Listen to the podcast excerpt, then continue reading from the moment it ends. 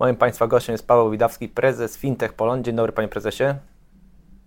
Witam, witam serdecznie Panie redaktorze, witam Państwa. Jak wskazuje nazwa firmy, będziemy dzisiaj rozmawiać o fintechach, o branży fintechów w Polsce. Panie prezesie, chciałbym, żebyśmy zaczęli od tego, od umiejscowienia tego rynku. E, jaki właściwie jest jego dzisiaj poziom rozwoju? Jak, jak Wy go oceniacie? Oceniamy rozwój e, polskiego rynku innowacji finansowej pozytywnie. Rynek rozwija się dynamicznie, e, zarówno, zarówno w ujęciu ilościowym, jak i jakościowym. Na rynku funkcjonuje już ponad 300 podmiotów z tego sektora i tutaj z naciskiem na podmioty niebankowe. E, w ramach tego sektora oczywiście możemy wydzielić bardzo różne segmenty, które rozwijają się z różną dynamiką. E, natomiast jeśli popatrzymy na ten fintech bankowy, no bo innowacja finansowa w Polsce w dużej mierze zlokalizowana jest w sektorze bankowym, w tych bardziej dojrzałych instytucjach, no to te, ten rynek wygląda na, na bardzo dojrzały, bardzo rozwinięty i takim miernikiem dojrzałości rynku jest to, czy my jako konsumenci, czy przedsiębiorcy mamy dostęp do innowacyjnych, nowoczesnych usług finansowych. A, a w Polsce mamy. Więc w tym, w tym ujęciu ten rynek jest y, bardzo, bardzo rozwinięty i na wysokim poziomie. Jeśli z drugiej strony popatrzymy na wielkość podmiotów niebankowych, ich zasięg międzynarodowy, E, no to tu jest trochę gorzej. Podmioty polskie, e, polskie fintechy są relatywnie małe, e, są mało zinternacjonalizowane i, i tutaj jest duża przestrzeń do, do poprawy, chociaż z drugiej strony warto, warto zauważyć, że rynek ten rozwija się szybko, dynamicznie, ilość podmiotów bardzo szybko przybywa na tym rynku, także podmioty te bardzo szybko rosną, jeśli popatrzymy na E, ich roczne e, przychody. Także jest duża dynamika, dobre perspektywy, chociaż rynek jest wciąż relatywnie mały. Czy jeżeli dzisiaj patrzymy na rynek fintechów w Polsce, można go porównać do jakiegoś rynku zagranicznego? A jeżeli nie, to, to który, co jest takim celem, kto jest takim wzorem, do którego powinniśmy dążyć? Na, na, pewno możemy się porównywać e, i te porównania e, znowu e, można realizować na różnych płaszczyznach. Jeśli popatrzymy na ilość, to chociażby dobrym przykładem zawsze jest Litwa. Mały kraj, mała, mały system, który jednak, do któremu jednak udało się przyciągnąć bardzo wiele podmiotów sektora fintech, szczególnie tych zagranicznych i na Litwie jest niewiele mniej e, fintechów niż w Polsce, chociaż Polska jest wielokrotnie większa. To pokazuje, e, jak dużo mamy, jak duże mamy jeszcze rezerwy.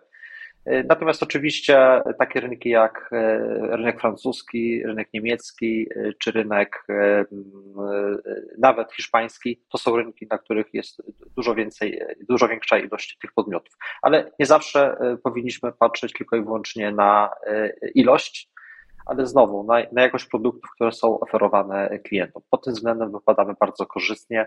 Polskie produkty fintechowe są bardzo, bardzo nowoczesne.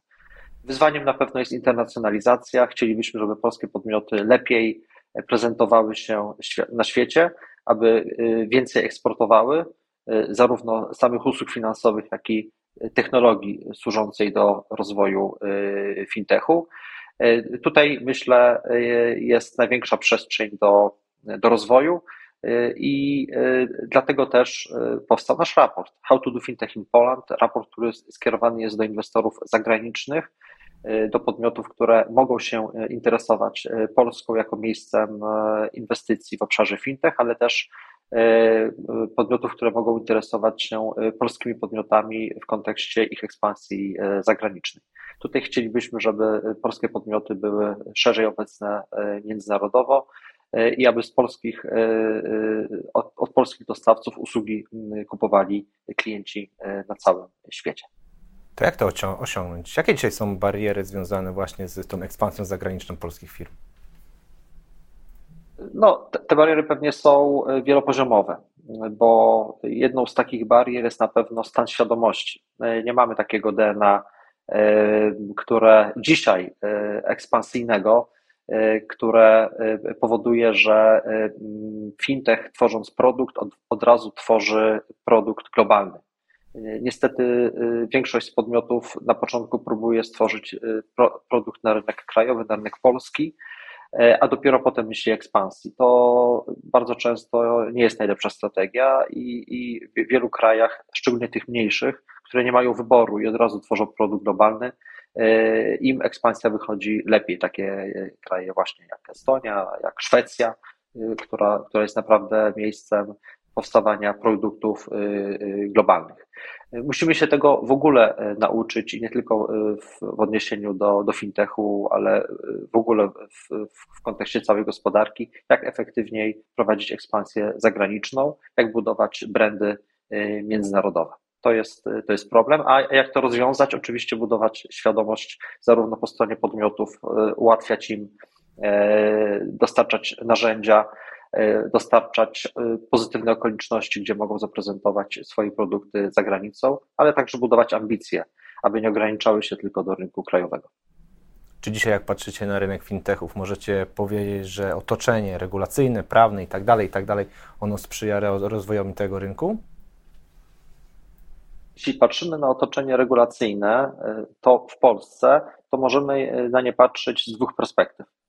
Y, po pierwsze, z takiej pozytywnej perspektywy, jesteśmy państwem członkowskim Unii Europejskiej, więc dzięki temu mamy dostęp do wspólnego rynku usług finansowych, co powoduje, że każdy podmiot działający w Polsce finansowy, który posiada licencję, w większości przypadków może prowadzić działalność w całej Europie. To z automatu pozwala na oferowanie e, i świadczenie usług e, w takim e, ujęciu paneuropejskim. I to jest jakby wielki pozytyw, który, z którego wcale niekoniecznie polscy przedsiębiorcy z tej branży szeroko korzystają.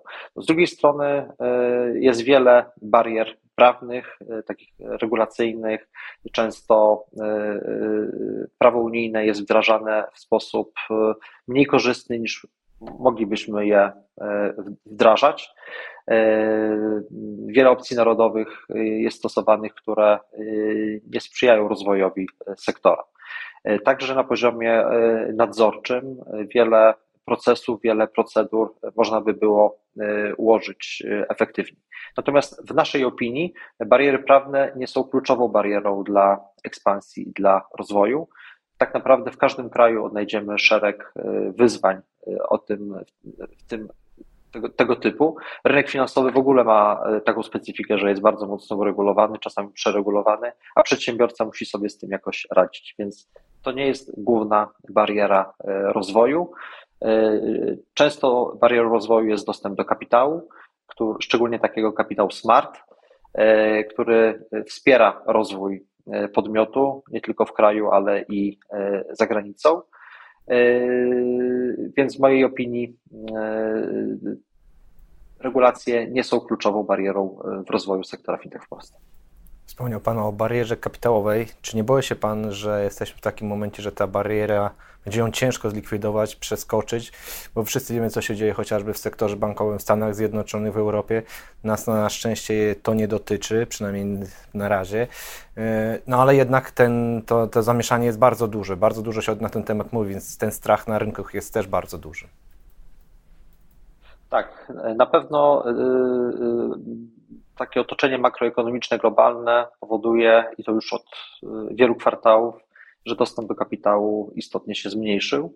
E, także y, zmniejszyły się, zmniejszyła się kapitalizacja bardzo wielu e, publicznie notowanych firm sektora fintech na całym świecie. Jakby to nie jest tajemnica, e, to wiemy.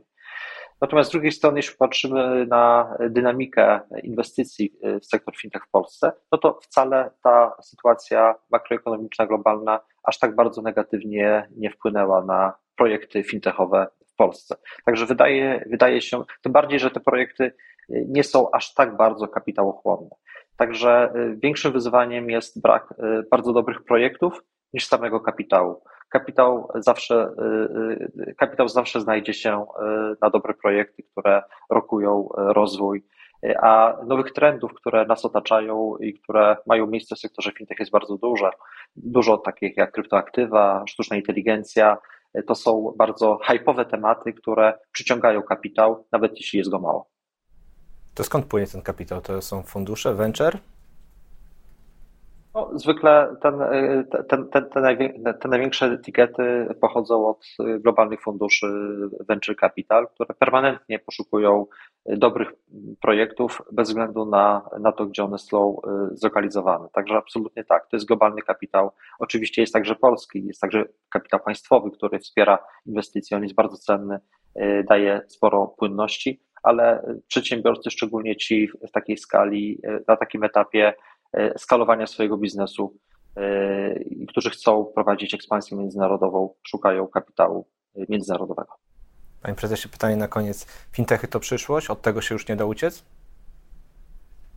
Fintechy to rzeczywi rzeczywistość nasza i dzisiaj, jeśli popatrzymy na cały sektor finansowy, można powiedzieć, że on cały, cały ma charakter bardzo innowacyjny. Nawet duże instytucje finansowe oparte są o, o, o nowe technologie, więc to już nie jest przyszłość, to jest y, teraźniejszość y, i my jako Polska musimy zająć lepsze miejsce niż inne kraje w kontekście pozyskiwania talentów, w kontekście pozyskiwania najlepszych projektów, w kontekście pozyskiwania kapitału. No a celem jest to, aby, aby tutaj w Polsce, aby tutaj w Warszawie y, budować y, regionalne, a może europejskie centrum finansowe oparte o tego rodzaju innowacje. I tym przesłaniem kończymy dzisiejszą rozmowę. Paweł Widawski, prezes Fintech Poland, był moim Państwa gościem. Panie prezesie, bardzo dziękuję za poświęcony czas.